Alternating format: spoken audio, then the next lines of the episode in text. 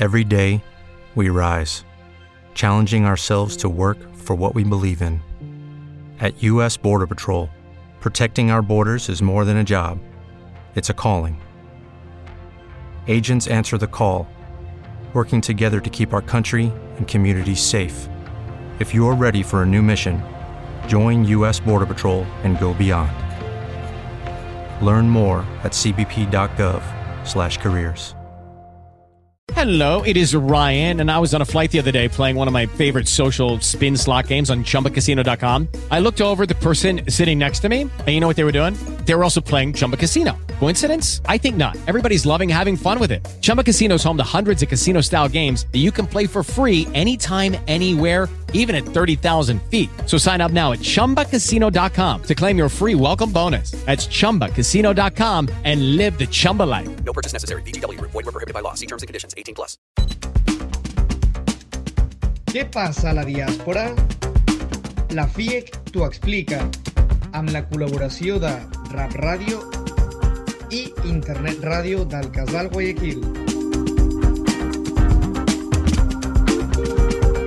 I tornem a seguir una setmana més a la t'ho explica, aquest programa que expliquem les coses que ens passen als catalans que som a l'exterior, els que estem a la diàspora. Roser Maresma, des de Brussel·les, com estàs? Doncs molt bé, aquí eh, intentant aprendre el màxim de tot això que hi ha a l'exterior, Roger, perquè tot és molt interessant, no et sembla? Bueno, hi ha coses interessants, hi ha coses dures, hi ha coses difícils i també hi ha coses doncs, que, que són són agraïdes de veure també, o sigui, a l'exterior té moltes coses, el món és molt gran uh Mhm. -huh. i realment doncs, bueno, hi, ha, hi ha gent que té situacions difícils i que avui ens explicaran com un se'n pot en sortir també. Quina tertúlia ens has preparat? Sí, a l'entrevista parlarem una mica d'això, ara us explicaré què és l'entrevista, però primer serà la tertúlia, o sigui que de què va la tertúlia? Sí, avui la tertúlia recuperarem dos estudiants que van anar, que han sortit a estudiar fora. Uh, com tu deies, hi ha coses fàcils i coses difícils i a vegades uh, ens sembla tot molt senzill, però no ho és tant, no? Eh, I llavors, en el cas dels estudis, per exemple, coneixem molt tot el que és el món Erasmus, és, més o menys tothom ho coneix, però sabem, i sobretot a dins de la Unió Europea, que no és l'única manera de moure's. Uh, No, per tant, uh, coneixerem uh, un parell de persones que s'han mogut més enllà dels programes uh, oficials. Més enllà Crec que és d'Europa. molt interessant. Molt bé. I a l'entrevista tindrem la Sònia Medina, que és una, una investigadora que està també a Vancouver, a la Universitat de la, British, de la Colúmbia Brita- Britànica, de la Mm. UBC, a British Columbia, i ens explicarà bueno, com és arribar a, en una ciutat eh, llunyana, eh, perquè doncs, el, la seva parella ha trobat un, un postdoctorat, en aquest cas, i arribar i trobar-se en una situació doncs, de no poder treballar al principi per un tema doncs, de que no hi havia els serveis de, de guarderia corresponents o esperats o desitjats Uau. i ens explicarà una mica la seva, la seva experiència, com s'ha reincorporat al món laboral eh, amb, el, amb el seu, la seva, diguem, el seu àmbit de recerca Mhm. i, i com s'ho ha fet i, i doncs, bueno, penso que deixem que ens ho expliqui d'aquí una estona. Exacte. I després tindrem en Jordi Gairín amb la gent del casal de Lausanne avui, eh? Correcte, a Suïssa. I finalment, com sempre, la Mercè Porqueres amb les activitats d'arreu del món, que els casals ja sabeu que no paren. I més ara, post-Covid, i em sembla que està tot amb molta efervescència, o sigui que us aconsellem molt que escolteu bé a la Mercè Porqueres i si no que seguiu les xarxes de tots els casals, eh, que tingueu més a prop, perquè tothom està fent de tot. Roger, sí, més, eh, de manera presencial, que és, que és algo més, més interessant encara. anem a les notícies? Anem a les notícies. Comencem.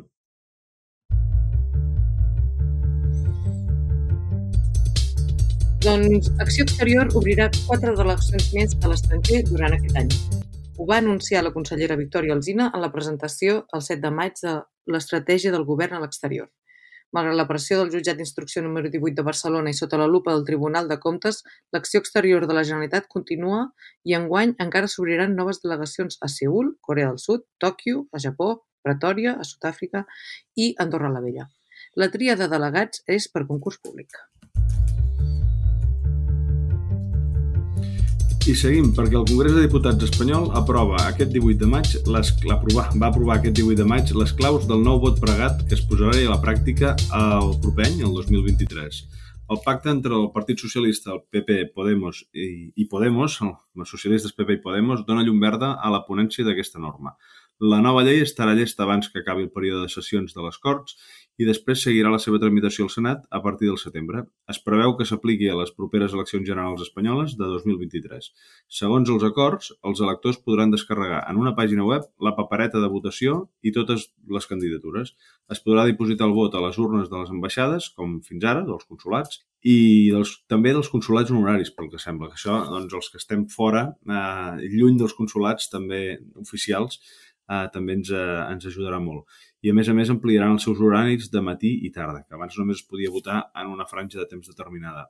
Es podrà utilitzar la balisa diplomàtica per fer arribar el vot a temps i en quant als terminis, el vot en urna serà entre el vuitè i el tercer dia, eh, amb dos inclosos mentre que l'escrutini no serà a partir del cinquè dia, és a dir, hi haurà temps perquè arribin les paperetes, sinó el vuitè dia mm, següent a la votació i conclourà només tard del desè dia, és una mica enrebaçat tot això. Eh? Uh, no van tirar endavant les iniciatives que van registrar Esquerra Republicana o Junts perquè es pogués votar de manera electrònica o delegar el vot en una persona a la mateixa circunscripció d'Espanya. Suposo que tot el tema de, de seguretat informàtica ha afectat en aquest, en aquest aspecte. Sí, sí, és una mica complicat des de la FIA que ho anirem explicant, eh?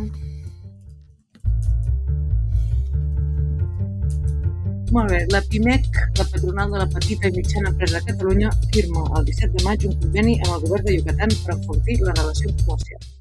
El conveni es va centrar en l'àmbit de diferents sectors estratègics com la indústria, les TIC, la construcció i la logística, així com d'altres serveis auxiliars de la seva cadena de valors. I seguim amb una altra notícia breu, i és que l'Orfeu Català va tancar el 16 de maig la seva primera gira internacional des de la pandèmia, actuant a la Filarmònia de Luxemburg. I va interpretar, i va, va interpretar davant d'un públic entregat la Mesa de Glòria de Puccini, acompanyat de l'Orquestra Filarmònica de Luxemburg i sota la direcció del valencià Gustavo Jimeno.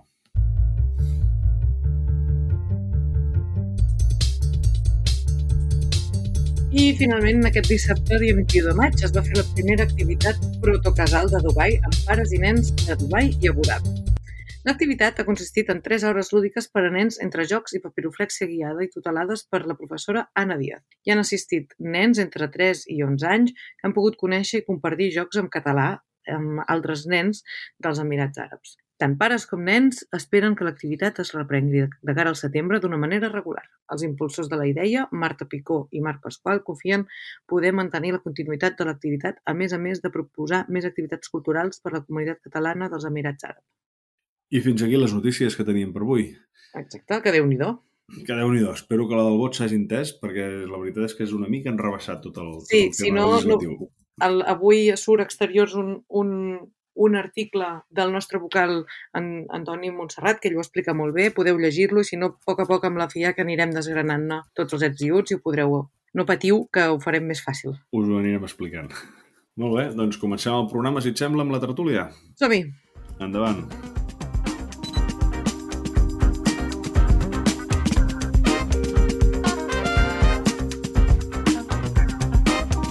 Continuem amb Què passa a la diàspora? Doncs sí, benvinguts una setmana més a la tertúlia de la FIEC, amb la FIEC t'ho explica. Avui amb un tema també molt interessant, com tots els que passen a l'exterior, que ja hem anat aprenent en aquest programa, que tot és molt interessant. Avui volem parlar del fet d'estudiar fora. Tothom coneix eh, els Erasmus, tothom coneix aquest programa, bueno, els Erasmus també a dintre Espanya, hi ha molts programes d'aquests, però volem anar una mica a buscar altres maneres d'estudiar de, fora. A vegades no sempre eh, cal seguir un d'aquests programes. En el cas de la Unió Europea, a més a més, eh, hi ha lliure circulació, per tant, tots podem anar a estudiar on vulguem, en teoria, i, i volem posar una mica aquest tema sobre la taula. Per parlar d'això, tenim avui a la Júlia Capistany des de Rotterdam i a la Judit Aragonès des de Lille, amb, dos, amb dues realitats completament diferents. Les saludarem. Júlia, eh, bon vespre, bon dia, bon... no sabem des d'on ens escolten. Com mm. estàs? Hola, bon dia, molt bé, des de Rotterdam. Molt bé. Judit, uh, què tal? Doncs mira, molt bé, aquí gaudint del meravellós temps del nord. molt bé. Uh, Júlia, el teu cas és un cas de que sí que vas fer un programa d'Erasmus, però després arribes a Rotterdam en una escola de circ. Explica'ns una mica la teva, la teva aventura. Jo, el 2014, vaig decidir venir a fer les audicions exactament a l'Escola de Circo d'Arts, que és el Conservatori de Música, Dansa i Circ d'aquí de Rotterdam, mm. i em van acceptar i una mica sense saber ben bé on m'estava posant, crec, vaig decidir fer les maletes i venir cap aquí. Va ser una mica, ja et dic, una, una aventura i una decisió presa totalment intuïtiva. Vull dir, va ser una decisió intuïtiva. Vull dir, no... Uh -huh. Jo circ n'havia fet abans, n'havia fet com a hobby i sí que és veritat que ja m'hi estava dedicant bastant, és a dir, estava entrenant amb bastant intensitat, però no és una cosa que jo tingués decidida, diguem, prèviament. Yeah. Em, és a dir, que sí que va ser una mica una sorpresa, però sí que és veritat que has de passar unes audicions, que són d'una setmana, i, i bé, va passar això i vaig venir cap aquí. Perquè, Júlia, aquí el problema és que, aquí el tema és que a Catalunya, no? Això potser no ho trobaves? En el cas del circ, bastant específicament, en aquest cas, no? La decisió d'haver d'anar fora és obligada, en aquest cas? A veure, no ben bé, perquè sí que és veritat que a Catalunya, més concretament a Barcelona, hi ha l'escola Rogelio Ribel, vale? que sí que ofereix un programa de dos anys que és molt interessant i cada cop més i més potent. Però sí que és veritat que al passar les audicions aquí, el programa que t'ofereixen aquí a Holanda és un bachelor, que no vol dir que a nivell artístic sigui més potent, però sí que és veritat que a nivell oficial no t'emportes un títol que després sí que pot ser que et beneficiïn en certes coses. I és un programa superior, és una escola superior i la de Barcelona sí que és veritat que oferia un programa una mica més reduït. Aleshores, per mi volia dir que venia aquí i ja podia fer, com si diguéssim, una mica el pack sencer. No sé com dir-te. Clar, clar, clar. I, I què vol dir uh, ser arribar en un país i ser estudiant uh, sense cap mena d'ajuda, no? Perquè recordem que els Erasmus també tenen tot un acompanyament institucional, per, per entendre'ns. Uh, com va ser per tu arribar en un país nou, siguent estudiant, no? Amb les condicions que això suposa, que pots treballar menys, hi ha una precarietat... Uh, què vol dir això? Clar, jo he de dir que pel fet de venir a estudiar el programa de circ aquí a Rotterdam, sí que vaig ser becada per la Generalitat, perquè Val. hi havia un programa de beques que de fet crec que encara existeix, és a dir, ara no ho sé, no us ho puc assegurar, però sí que jo vaig rebre una ajuda durant, bastant, durant tots els estudis que em cobria la matrícula i part de les meves despeses. I això, això era meravellós. Sí que és veritat que no era prou, vale?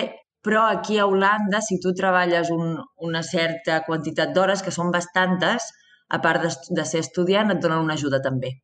Què passa? Que jo, en estar fent un programa superintensiu um, a nivell físic, no podia treballar totes aquestes hores perquè era massa. Vull dir, no, no, no hi havia temps. I què vol dir? bueno, vol dir sentir-te desubicada i, i haver-te haver, haver d'espavilar, que dic jo. No? És a dir, vol dir haver de demanar molt a la resta de, de companys que es troben en la mateixa situació com sobreviviu, no? Com ho feu, això? I aleshores la gent et comença a dir, doncs mira, no, perquè per viure però doncs hi ha aquesta ajuda de lloguer que et pots demanar, no sé què. És a dir, a nivell econòmic és, és realment bueno, un challenge, no? I, i has de, i, i has de buscar-te una mica la vida, però després sí que és veritat que trobes maneres de viure. Jo, per mi, sempre ho dic, jo recordo que al principi dels meus estudis jo no tenia una gran quantitat d'ingressos, però vivia amb molt poques despeses. És a dir, i, i mai he estat, no sé com dir-te, sempre trobes maneres, no? Yeah. De, de poder comprar de qualitat però, però que no sigui molt car, de poder viure a llocs que són una mica alternatius, de poder compartir, no? Sobretot viure en comunitat que sempre redueix les despeses. Llavors, bueno, per tot això, i en aquesta línia, em sembla que aquí és on intervé eh, el programa Aegeus, que ha creat la Judit, i és la fundadora, no, Judit? Explica'ns una mica això.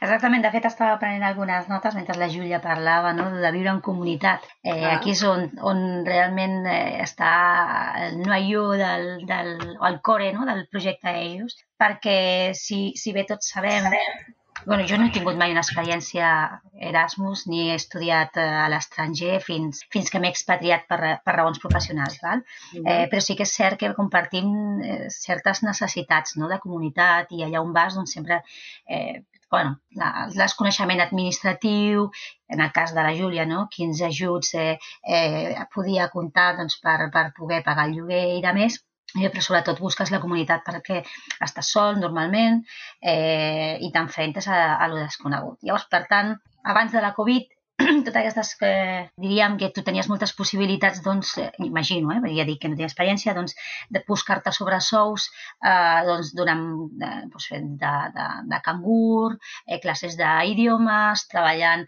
en alguna doncs, un restaurant o alguna empresa en una botiga per hores que et poguessin donar el sobresou i després a l'oci, no? aquest oci que deies eh, que no tens gaires, gaires despeses, eh, aquest oci, aquesta necessitat eh, eh, social no? de desconnectar doncs, de la duresa de, de l'expatriació de, dels estudis estrangers es supleix o, o, o es va buscar doncs, al voltant de, doncs, de, de comunitat que està en les mateixes circumstàncies que tu. Ja bé sigui doncs, sortint a, a aprendre alguna després dels estudis o anant a casa d'uns, a casa dels altres, festes en residències i de més. Llavors, tot això amb la Covid va quedar estroncat absolutament. Clar. Llavors ens trobem amb un munt d'estudiants eh, que no tenen eh, aquest recurs de la comunitat, que estan lluny de la família, que han de passar doncs, molts dies eh, tancats en, en habitacions eh, que tenen rellogades, etc etc. I apareix, doncs, a part de la necessitat econòmica, perquè no tothom pot eh, doncs, treballar aquest sobresou per poder continuar amb les despeses personals. Eh, a part d'això, doncs, apareix doncs, la, la necessitat de, de tenir contacte amb els teus eh, iguals o bé amb la gent que parla el teu idioma, no? Llavors, en aquestes circumstàncies i després de sentir diverses experiències doncs, de, de gent que estava en situacions molt, molt precàries de tenir que escollir entre si comprava un, pa, un paquet de pasta o higiene íntima femenina, no? perquè wow. tots, tots els, els recursos van quedar tallats de, de socarrel, eh, nosaltres des de la comunitat de, dels catalans a l'exterior, eh, com que estem agrupats bàsicament en famílies, sí que hi ha gent que està sola no? per feina, però majoritàriament majoritàriament la comunitat a l'exterior som famílies eh, que ens hem pogut, que hem pogut eh, viure aquesta situació excepcional de la Covid tancats a casa en família, no? I, i, i us dèiem, eh, què podem oferir, no? Eh, perquè som molt conscients que estar lluny de casa vivint en aquestes circumstàncies és, és difícil. Què podem oferir? I oferir doncs podíem oferir-nos a nosaltres. No? I llavors, amb aquesta idea, vam crear el projecte EGIOS, que el que ve a ser és una... Actualment no és una plataforma perquè estem treballant amb les solucions eh, tecnològiques, però estem a, a Facebook i estem a Instagram i la idea és posar en relació a tot arreu de, al món. Every day, we rise, challenging ourselves to work for what we believe in. At U.S. Border Patrol, protecting our borders is more than a job, it's a calling. Agents answer the call, working together to keep our country and communities safe. If you're ready for a new mission, join U.S. Border Patrol and go beyond. Learn more at cbp.gov/careers. on tenim eh, famílies de catalans, posar-nos en contacte amb estudiants eh, per oferir eh, el nostre suport eh, a una, una casa on anar a compartir un plat de macarrons, eh, ajudar en qualsevol tasca administrativa i bàsicament és, és un suport emocional de dir estem aquí, parlem el mateix idioma, eh, ens entenem perquè culturalment doncs, tots ens coneixem, per tant, què necessiteu? I mm -hmm. tot això es fa des del voluntariat, és a dir, no, no hi ha cap intercanvi econòmic. La idea no és que sí que es faci per cap intercanvi econòmic, simplement la voluntat de donar un cop de mà i de ser útils ja sigui la gent que ja està estudiant a l'exterior, majors d'edat o menors d'edat, o bé gent que s'està plantejant eh, doncs de, de cara al curs vinent, eh, doncs mira, envio el meu fill a Nova York i amb qui puc eh, comptar per si passa qualsevol cosa. No? I bueno, m'he estès molt, però bàsicament la idea és aquesta. No, no, és molt interessant, és molt interessant, Judit, perquè jo em sembla que jo també sóc una persona que vaig vindre a Brussel·les a la universitat a estudiar sense res més, és a dir, en el meu cas, a casa meva, per sort, em van poder ajudar a fer això, no perquè hi hagués cap ajuda en aquest, en aquest sentit, en el meu cas concret, eh? evidentment mm. cada cas és un món, uh, però jo, i no sé si tu, Júlia, t'hi has trobat, és aquest sentiment a vegades de que, molt bé, em falta un tornillo, on te'l vaig a comprar? No? Sí, a vegades són coses, les coses més bàsiques, sí, sí. Sí, oi? I, i, I de cop i volta et sents una mica... Bé, que evidentment ho trobes, t'espaviles, mira, recorres uns carrers i ho fas, eh? però a vegades t'agradaria enviar-li un missatge a algú per preguntar-li això, no? És que deia una mica la Júlia també de la comunitat, evidentment si estàs amb companys de pis i estàs amb gent, evidentment te'n surts, uh, preguntes, no? Són els primers que els hi preguntes, no, Júlia? Esdevenen la teva família, no? També. Home, i tant. Jo he ressonat molt amb el que deia um, la Judit de l'administració, no? Perquè arribes a un lloc nou on, en el meu cas, per exemple, jo no parlava la llengua, tota l'administració és en, en holandès, clar. i clar, això sí que és un gran repte. Vull dir, aquí sí que et trobes que dius, a veure, per on començo i encara que arrenquis, com continuo? Perquè això no para, saps? Vull dir, i encara ara, dia d'avui, vull dir, ara ja és una altra història per mi, evidentment, eh? però de vegades penso, uau, quina diferència, no?, de, de com m'encaro a certes cartes, a, certa informació, vull dir, és, és completament diferent que si, si, si estigués a Catalunya. Sí, evidentment és un, és un bateig de, de, de foc, eh, perquè normalment aquests tipus d'experiències se solen viure en un moment vital molt concret, no? Hi gent que pues, eh, decideixen estudiar fora a partir dels 18, potser al voltant de, de la vintena, i sí que hi ha gent més espavilada, però hi ha gent que està sortint de la closca de l'ou, no? I, i, I sí que és un procés vital que jo crec que és molt interessant de, de viure perquè t'espavila, podria ser així mal, mal utilitzar la comparació, eh? però la, una mili no? de, la, de la vida adulta però jo crec que hi ha coses que si ens les podem estalviar, o sigui que no cal, perquè ja és prou difícil arribar a un país que potser, doncs això en el teu cas, no? holandès, potser mai no, no, potser m'equivoco, eh, però potser mai t'havies plantejat que l'holandès seria una de les llengües eh, que tu volies aprendre i que, i que acabaries utilitzant no, pel teu dia a dia. Potser, la vida. Per això dic, potser amb l'anglès, potser hi ha gent que s'hi prepara, no? perquè ja he pensat molt, molt de temps abans, no? però crec que hi ha coses que si te les poden fer molt més fàcil. Simplement, tu, tu saps que tens a cop de WhatsApp una persona que pot dir, escolta, això me supera, no? I, i el fet de compartir-ho ja amb algú que saps que viu a la mateixa ciutat que tu, això ja et relaxa i et permet potser afrontar aquella dificultat que acabaràs solucionant potser també tu sol, però ja d'una altra manera més relaxada, perquè dius, bueno, si no me'n surto sempre hi haurà algú que em dirà, escolta, a aquesta web o a tal persona que et pot explicar. No? Llavors, ja et dona una tranquil·litat que, que et salva d'un estrès innecessari. Exacte, perquè jo um, al principi, quan vius al lloc, no? és el, el que deies de l'administració, uh, Júlia, a mi també m'ha ressonat molt, no? vull dir que no entens o no uh, pots entendre, per exemple, en quin grau d'importància és allò no? Com, és això que deia com, com tu has de prendre, reps un paper de, de l'Ajuntament, no? i dius, ara això no sé si és molt important i he d'anar-hi corrents, he de trucar o no sé què, no? I si en canvi, si com deia la Judit, doncs hi ha algú que eh, li pots preguntar, escolta'm, això de què va, no? I potser et diria, no pateixis, no? Me'n recordo la meva primera declaració de la renta aquí, que va dir, i, i no rebia res, no rebia res, no rebia res, i una noia em va dir, no, ui, ui fins al que ve, no oblida tant, no t'enviaran res. I jo, ah, vale, vale. No, vull dir, bueno, vaig quedar més tranquil·la, no?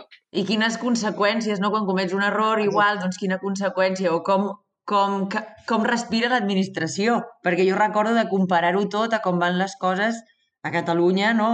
I, clar, és, és que és completament diferent, per exemple, aquí a Holanda. La gent recordo que em deia, bueno, tranquil·la, això t'enviaran una carta, i si no t'enviaran un mail, no pateixis, i si no ho pots pagar, doncs ho faràs a pla, o sigui, tindràs, tindràs mesos, no pateixis. I jo pensava, ah, calma. bueno, jo recordo del principi estar estressadíssima. Cada cop que rebia el sobre blau, que aquí és el sobre de, de, del belàstic dins, no?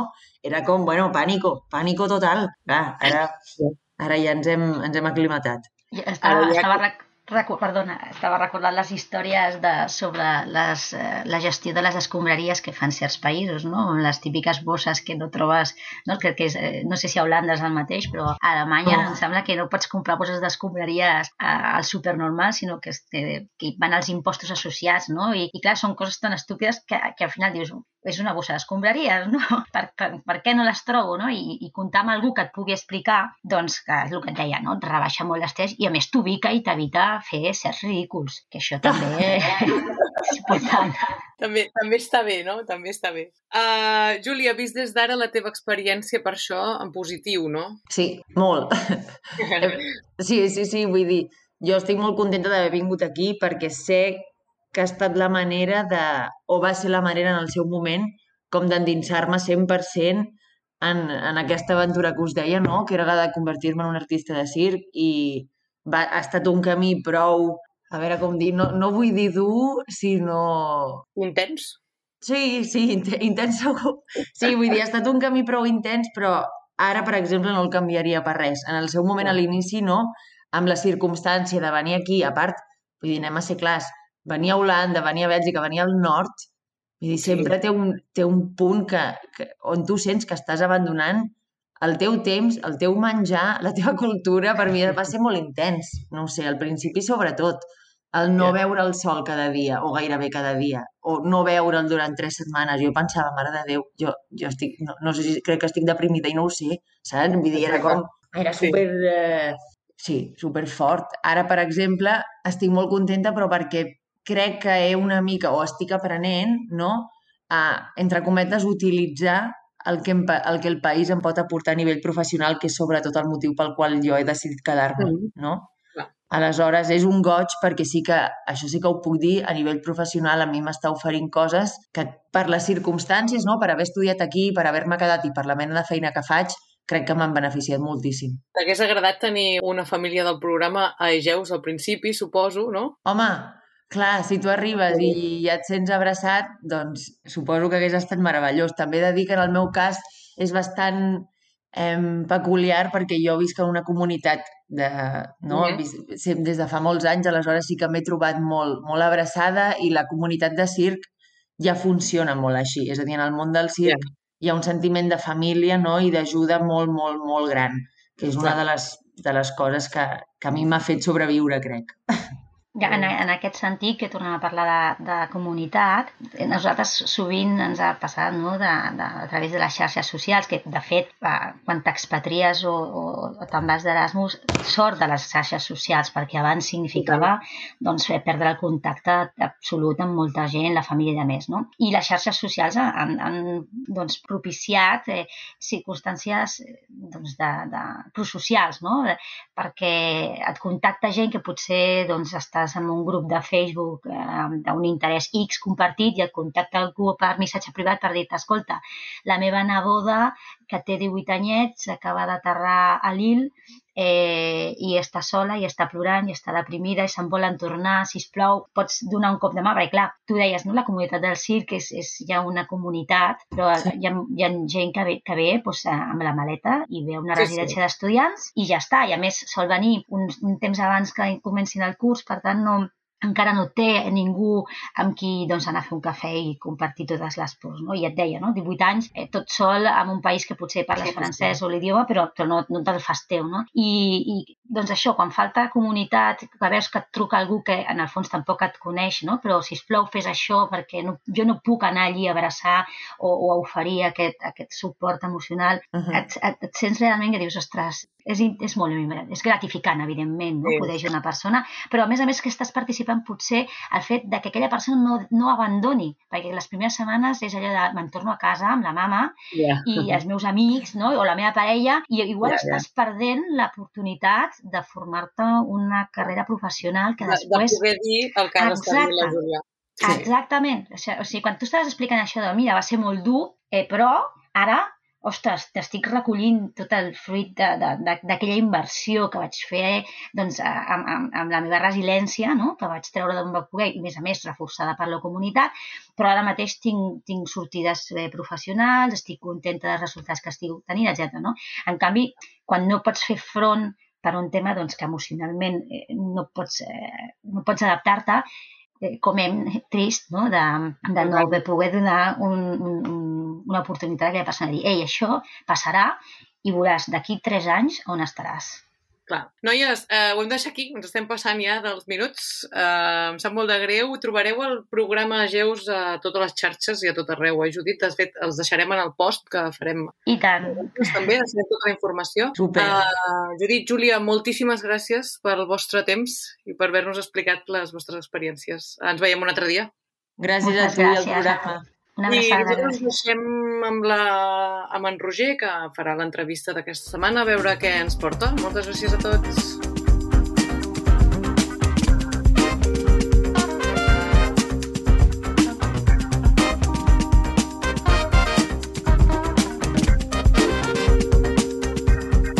Doncs estem aquí a l'espai l'entrevista d'aquest programa d'avui, dia 22 de maig, de la FIEC t'ho explica.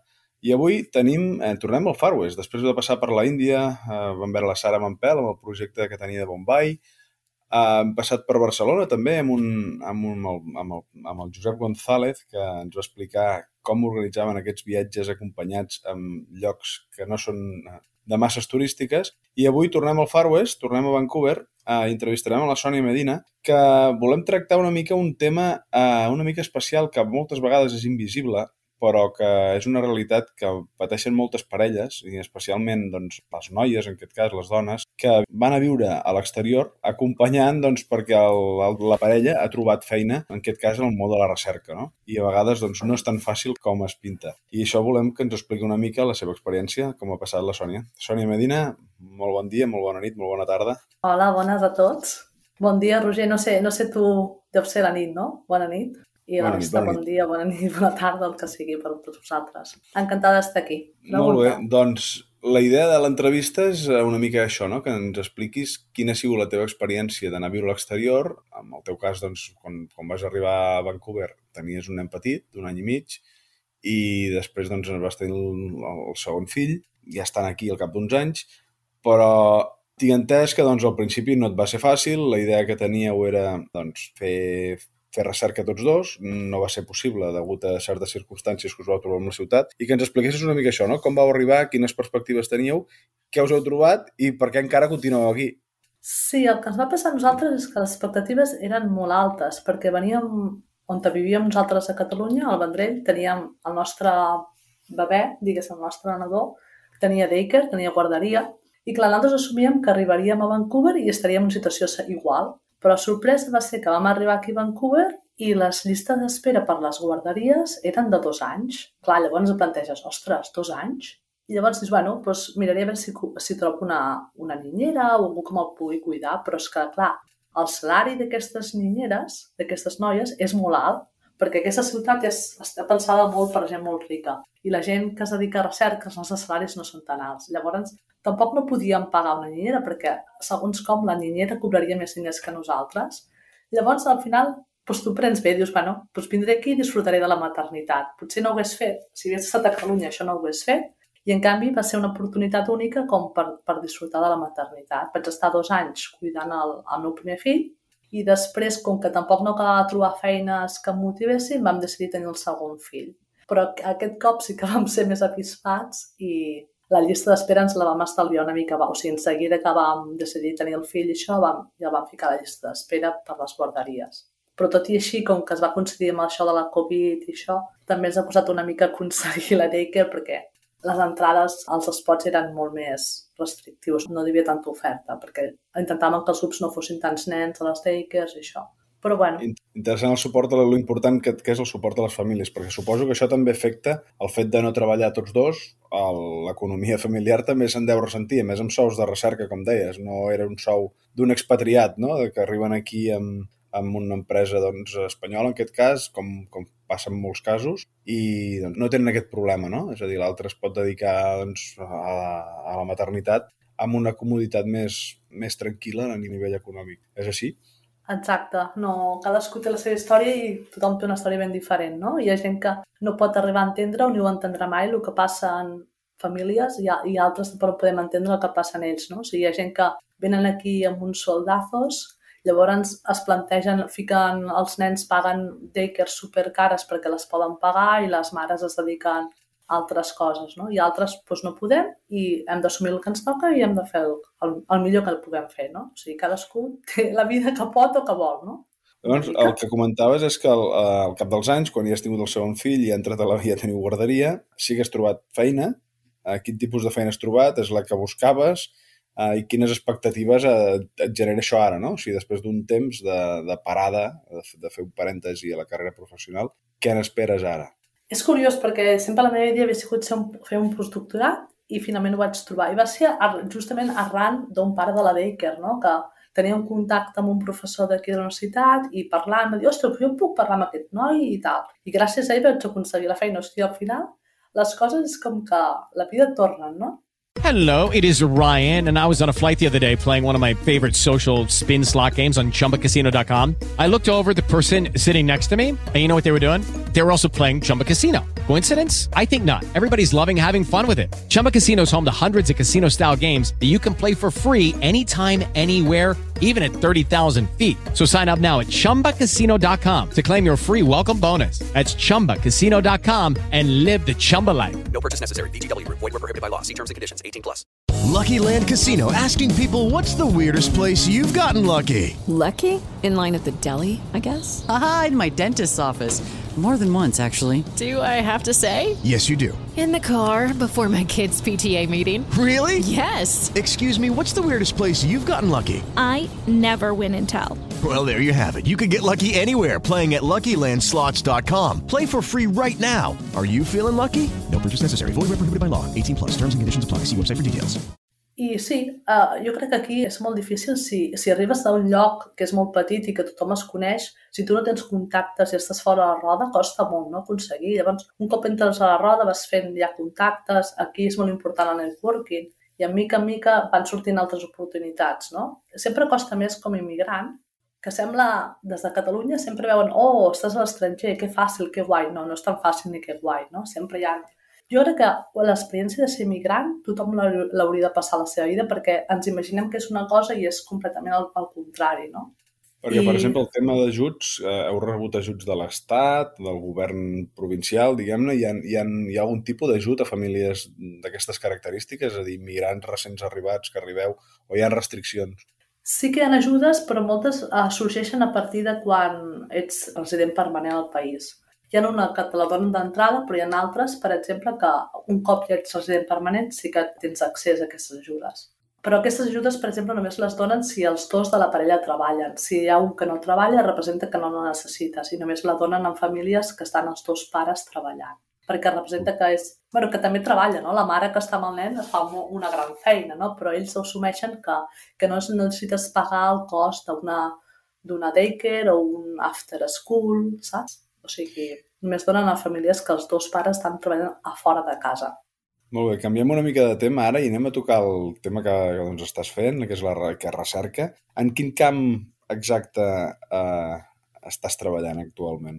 Doncs el que estem fent al laboratori, bàsicament el que estem mirant és, en tot el procés de seqüenciació del genoma humà, s'estan trobant molts metges que tenen pacients amb determinades sintomatologies que estan associades a variants genètiques. Però com que els humans de per si en tenim tantes, ells no saben quina és la variant que desencadena aquella malaltia. Tenen hipòtesis... perdona, que no, no ho hem dit, et dediques a la biologia, no? Sí, sí, a la biologia humana, perdona.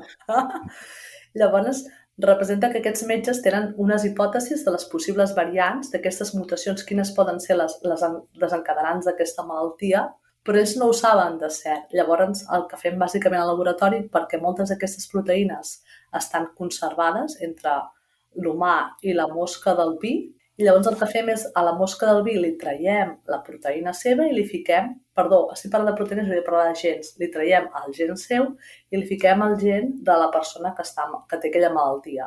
I si observem que aquella, aquella mosca desenvolupa uns fenotips o unes característiques que no són pròpies de per ella, la, sempre, la comprove, sempre la comparem amb una mosca control que no li hem fet res, no? Llavors li pots dir a aquell metge, doncs mira, sí, certament aquest pacient, aquesta variant que té d'aquest gen és la que li està desencadenant aquesta malaltia. És per ajudar els metges a que puguin fer el cribatge de les variants que, que estan desenvolupant la malaltia al- als pacients.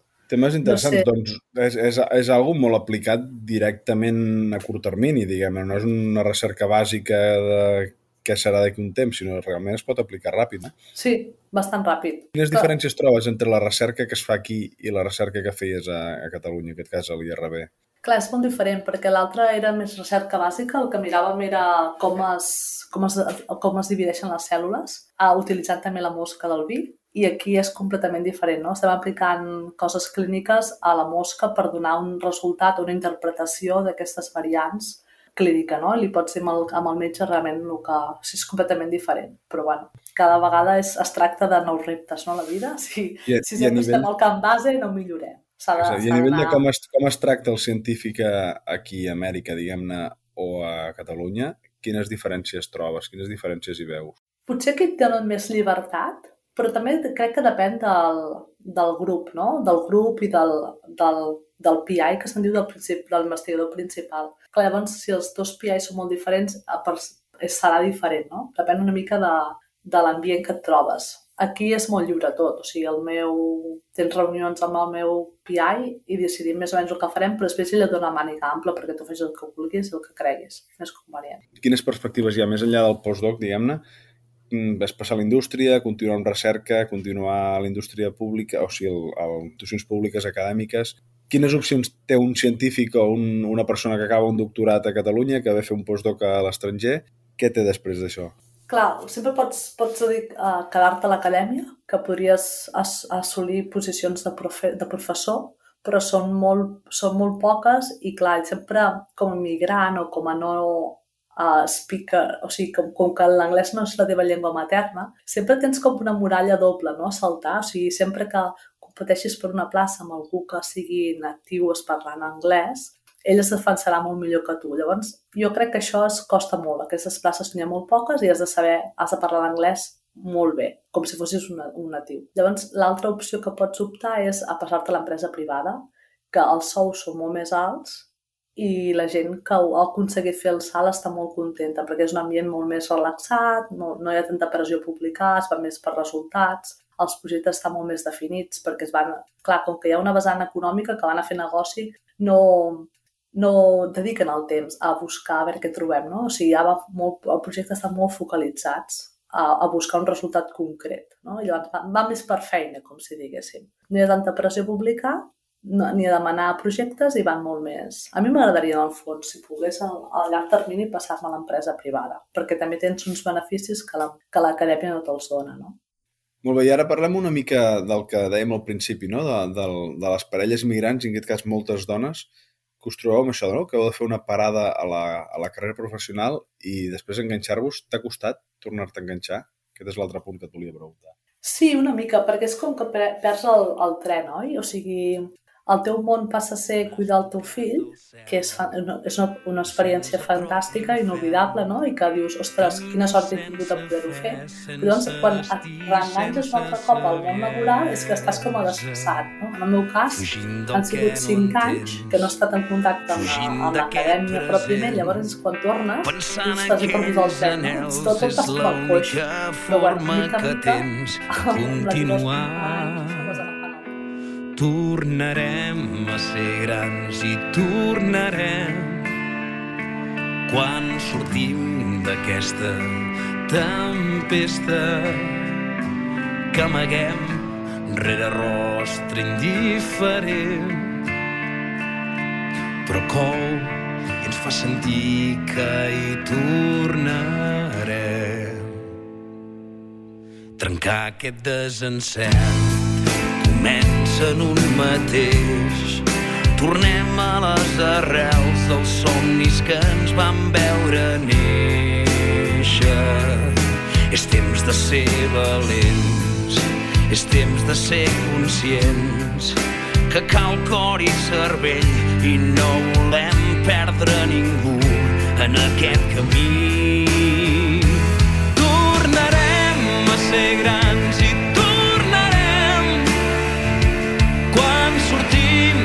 D'aquesta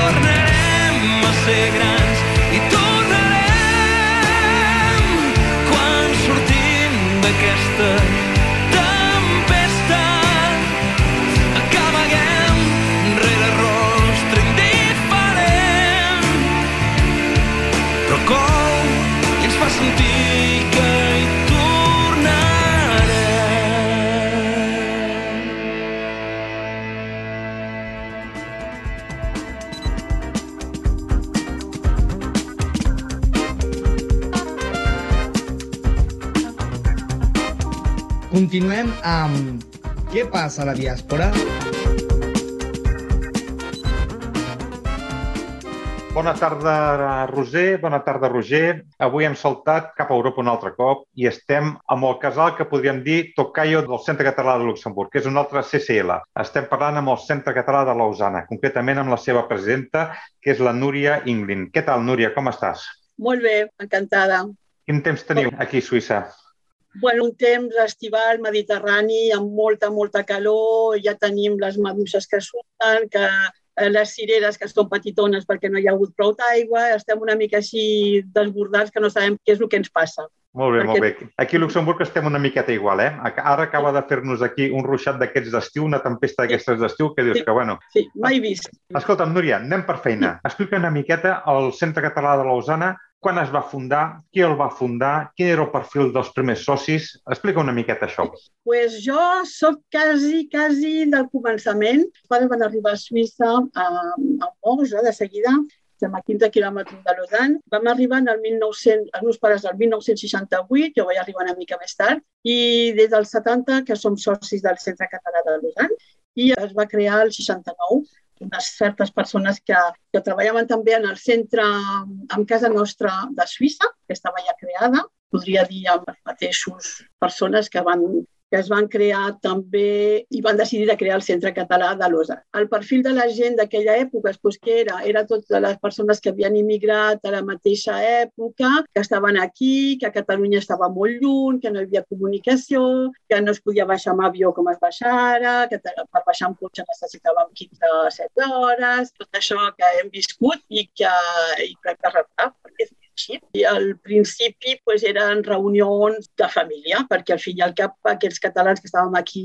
érem la família que teníem. Núria, què van fer? Van marxar per raons econòmiques. No va ser una migració econòmica, no va ser un exili polític, com per exemple en molts dels casals americans es van nodrir de molts No. republicans exiliats. Aquí no, als anys 60 Sí, potser un o dos cas, però si no era immigració de treball perquè era la crisi que hi havia a Catalunya al 60. Mhm. És per això que nosaltres estem aquí. I així eh, explicaves que les primeres reunions eren així per trobar-se, no? per celebrar una miqueta, Sí. doncs, per, parlar la, per parlar la llengua i això. Sí, i de seguida es va crear, nosaltres quan va, ens vam apuntar amb els meus pares, era el 70, o sigui que ja està dos o tres anys que estaven, a 69, que estava, que estava ja muntat, eh? vull dir, tenia presidents, aquí hi havia una junta que directiva que organitzava la, les trobades i, i era molt actiu perquè hi havia molta gent, hi havia molta gent i, eh, i era això, fèiem moltes sortides, fèiem molta lliçons de català, fèiem teatre, fè... era, el Centre Català de Lausanne ha sigut sempre sempre molt, uh, molt actiu i molt animat. Sí. Molt bé. I teníeu una seu ja física o com, o com ho veu fer-ho, això? No, al principi anàvem amb, una, amb un local que ens va deixar l'Ajuntament de Lausanne i obríem de, els dissabtes em sembla que de, no sé, després dels magatzems, antes que tanquessin els magatzems, de 5, de 5 a 7. I teníem un local i després d'anar a comprar o així, doncs la gent passava i discutíem i ens vam com- començar a animar i després vam tindre local propi. Quasi sempre hem tingut un local nostre. Sí, sí, perquè a veure, no sé què en penses tu, jo crec que és molt important no poder disposar d'un local, encara que sigui llogat per tenir un espai propi on poder-te reunir sense dependre de ningú, eh? Sí, nosaltres, eh, diguéssim, la meva experiència és que sí, és, és així. El que passa que també és un local que el que tenim ara, que no és de gran eh, contingut, vull dir, podem ser, bueno, segons qui ve a fer-nos una conferència, hem estat 100 persones, eh? vull dir, també hem despassat una mica la línia, que és, eh, però normalment eh, som, podem tindre una capacitat de entre 40 50 persones màxim, eh? màxim. I ara també el que fem és que segons quin conferenciant tenim, doncs sortim. Sortim i anem a lloguem una, una sala més gran, eh, perquè clar, tampoc no, no donem per tant, eh? però diguéssim per les petites cosetes que fem, que sempre som eh, 20 o 25 persones, el local del centre va bé. Després està clar que mm, estem al 2022 eh, i les coses canvien i, i, és, eh, i ens hem d'adaptar constantment perquè la situació té una evolució molt ràpida i nosaltres també la Junta hem de, hem de tindre aquesta evolució i és el que, està, és el que procurem fer. I és el que ens ha, diguéssim, aquesta evolució ens ha permès fer-ho pel Covid. Mm. El Covid ens ha obert que teníem que fer alguna perquè no ens veiem. I amb aquest algú hem tingut també perquè coses de la vida que es donen, hem tingut gent i socis i amics que, que, que ho hem pogut fer. I Molt bé. O sigui que estem molt contents i ara tenim, tenim un pic eh, bastant important en el centre de col·laboració. Sí. Escolta'm, Núria, i quines són? A, veure, comentaves que, que éreu molta gent. Ara, més o menys, quants socis sou, no? Quin, I quin perfil de socis? Teniu d'aquesta primera migració, nouvinguts? Tenim de tot. Bueno, o sigui, tenim el, el començament del nostre centre era més o menys la mateixa, la mateixa gent, famílies que estaven a Suïssa, que estaven implantats, que estaven integrats, era així, no? Ara, actualment, ara, eh, dic ara, el 2022, perquè hi ha hagut pujades i baixades cícliques, eh, jo dic que és cíclic, ara tenim eh, les persones que són sòcies, que encara hi són, eh, que estan en vida i que encara són sòcies, en tenim és una part important del centre perquè és una de les que col·laboren més, que participen molt, molt més, de tercera edat, diguéssim. Eh? Es reuneixen tots els dissabtes, tots els dissabtes de 5 a 7 el centre està obert, eh, van, discuteixen, eh, llegeixen, passen eh, documentals, documentals. Bé, ja tenim aquesta quantitat, aquesta categoria de gent fidels, sempre presents a tot. Eh? I després tenim ara el que es diu les famílies amb infants, que és la, la cosa que ens faltava aquests últims dies, aquest últim temps, que per un encant d'aquells que a vegades no saps per què, eh, vam fer una reunió perquè, diguéssim, la Junta actualment està composa d'una junta directora que hi ha el president, vicepresident, el caixer, el secretari i comunicació. I després vaig proposar un grup de coordinació que són els, els que són responsables d'activitat. I a mi m'agrada molt que la gent discuteixi entre ells, que ens veiem, eh, perquè si no és massa fàcil el WhatsApp. I es vaig reunir d'aquesta reunió i què fem i què farem. Doncs jo i ja el, tenim un grup de teatre també i aquest grup de teatre que està també ensejant, durant tot el Covid eh, s'han pogut arreglar entre ells, han pogut continuar els avantatges segons les normatives i directives de la llei sobre el Covid, va sortir amb aquesta reunió, ai, per què no fem els pastorets? I paf, es va organitzar així, eh? Vull dir, es va organitzar i tenim aquesta possibilitat de tindre aquestes famílies amb nens petits que volen parlar més enllà del català de casa. És el que tenim ara en el centre. Amb dos o tres moviments es va poder organitzar l'esplai infantil i està, eh, van començar el primer de març i és un cop per mes, però funciona, eh, està, és una meravella. Jo estic encantadíssima perquè és una cosa que ja havíem tingut, que després no hem tingut i que hem tornem a, a tindre ara. I després tenim els joves, per exemple, la calçotada, que és un clàssic també nostre ja, hi ha molt de jovent que no ve sempre, però que, ve, que venen a les calçotades. És un, un jovent eh, jove, eh, eh, estudiant o no estudiants, o, o, o que han sigut estudiants i ara que són, eh, que, que són treballadors, eh, i, i podem ser, eh, aquesta vegada ho hem limitat, però podem ser 100, 100 110 persones. Vull dir, és així, és, és bastant cíclic, però apareixen i quan hi ha festes així, com la, la propera que farem, que és per Sant Joan, pues segurament que tot aquest jovent respondrà. O sigui que tenim els, els avis, el, les persones que són solteres o que no tenen família i després tenim la, les famílies. Sí. Doncs molt bé, no, no, bo, bo, veig que esteu bastant, bastant equilibrats, no? Ja ens agradaria, ja ens agradaria molts altres casals doncs estar sí, però, així de... però jo ho dic que és ara, eh? Voilà. Sí, sí. Eh, vam tindre l'Assemblea General la setmana passada, som 96 socis, 96 socis famílies, vull dir, eh, som 96 persones, però podem ser més perquè hi ha les famílies, les parelles, eh, els infants, eh, però 96 cotitzacions. Doncs pues molt bé. Escolta'm, i dius, les principals activitats, les que són més reeixides, ja m'ho ja has dit, m'imagino que és com a gairebé tots els casals, la calçotada, no? La calçotada és... Diguéssim que procurem fer totes les festes tradicionals catalanes perquè jo és el que de, sempre, eh? eh m'he ocupat d'aquesta activitat quan no era de Junta, fer totes les cançons, començant per, uh, per Sant Josep, el rei, Sant Josep, Sant Jordi, uh, Sant Joan, uh, fa totes les tradicions i després uh, el que hem fet també, que és el que provem fer ara, és sortir, presentar-nos i mm, ens inviten, perquè hi ha moltes, moltes associacions, hi ha molts ajuntaments que fan festes d'integració i, i provem de, de, de participar i ensenyar, sobretot, eh, que vam L'any passat en vam fer tres, per presentar el que és Catalunya, el que és el català, què és la llengua, què són les nostres tradicions.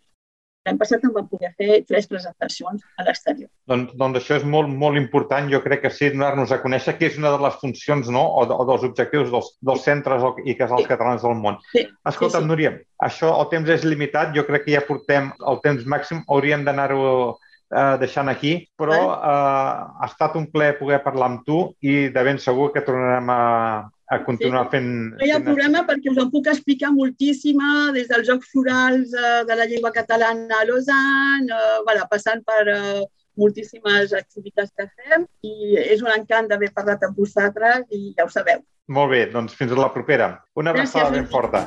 Gràcies i salut, te recordes de Lausanne.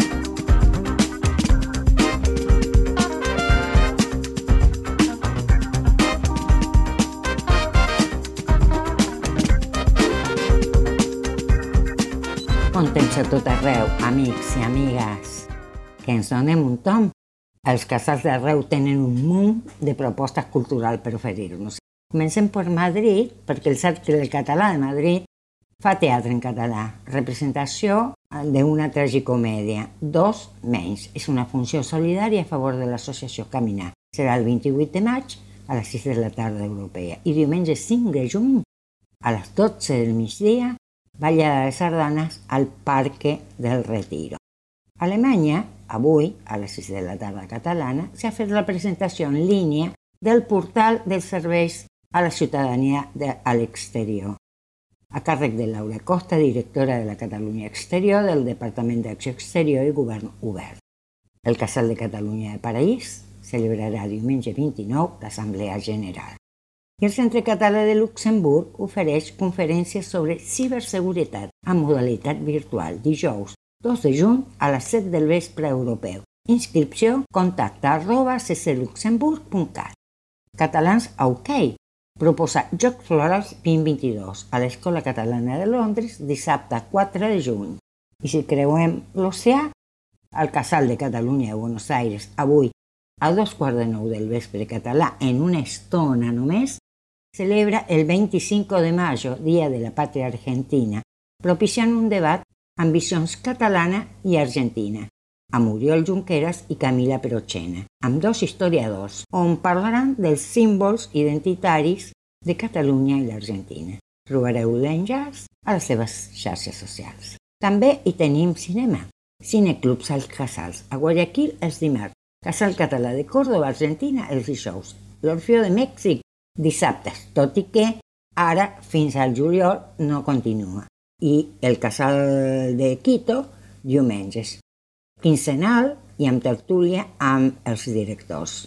Consulteu la programació a les seves xarxes. A més a més, Cine Casal Quito amb Guayaquil i Red de Cine Clubes projectaran el 5 de juny curs de Ojo Semilla, cinema comunitari i feminista, presencial i virtual, o sigui híbrid, en fòrum amb les directores del col·lectiu. El Casal Català de Guayaquil, divendres i dissabte projecta cine català per als seus alumnes de llengua catalana. I tenim casals de xarxa, engegat pels casals de l'Equador, Quito, Guayaquil i Cuenca, amb suport d'altres casals d'Amèrica i d'Europa. Qui som? Cada dimarts, a les 11 de la nit catalana. Demà el convidat és Zeus Moreno Romero, en col·laboració amb l'Associació Catalunya de Sao Paulo. Presenta des del Brasil el seu llibre Os Paiter Surí i dimarts 31 es presentarà el Casal Català de Bahia Blanca, a l'Argentina. Punt de trobada cada dijous a les 23 hores catalana, sempre amb convidat de luxe. Podeu visitar les xarxes socials dels casals de Guayaquil, de Quito, també són retransmès en directe per Facebook de La Plata i de Paranà. I també tenim xocolata i conta per als més petits, quinzenal, els diumenges a les 6 de la tarda catalana.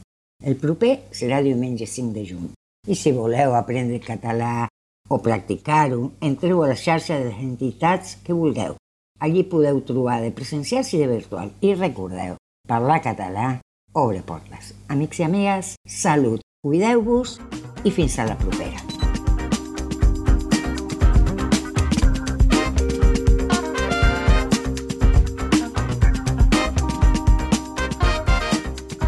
Doncs fins aquí el programa d'avui de l'Efecte Expliques. Crec que ha sigut prou interessant, no, Roger? Doncs sí, eh, programes d'aquests que aprens cosetes i coneixes nous casals i la gent que està doncs, a prop d'un casal d'aquests doncs, dels que hem parlat doncs s'hi pot apropar i, i fer una mica de networking, eh, aquesta paraula Exacte, que ens agrada tant, una mica de xarxa, xarxa de eh, amb la resta de catalans que som a l'exterior.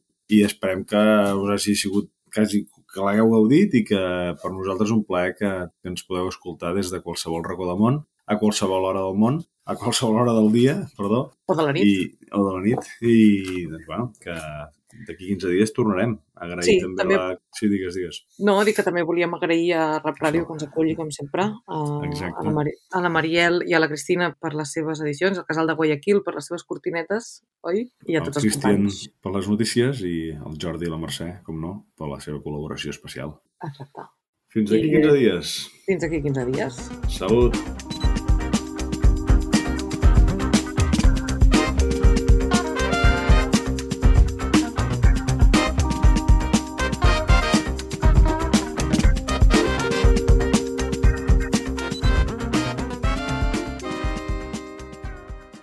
Guys, it is Ryan. I'm not sure if you know this about me, but I'm a bit of a fun fanatic when I can. I like to work, but I like fun too. It's a thing. And now the truth is out there. I can tell you about my favorite place to have fun Chumba Casino. They have hundreds of social casino style games to choose from, with new games released each week. You can play for free anytime, anywhere. And each day brings a new chance to collect daily bonuses. So join me in the fun. Sign up now at chumbacasino.com. No purchase necessary. Group. Void were prohibited by law. See terms and conditions. 18 plus.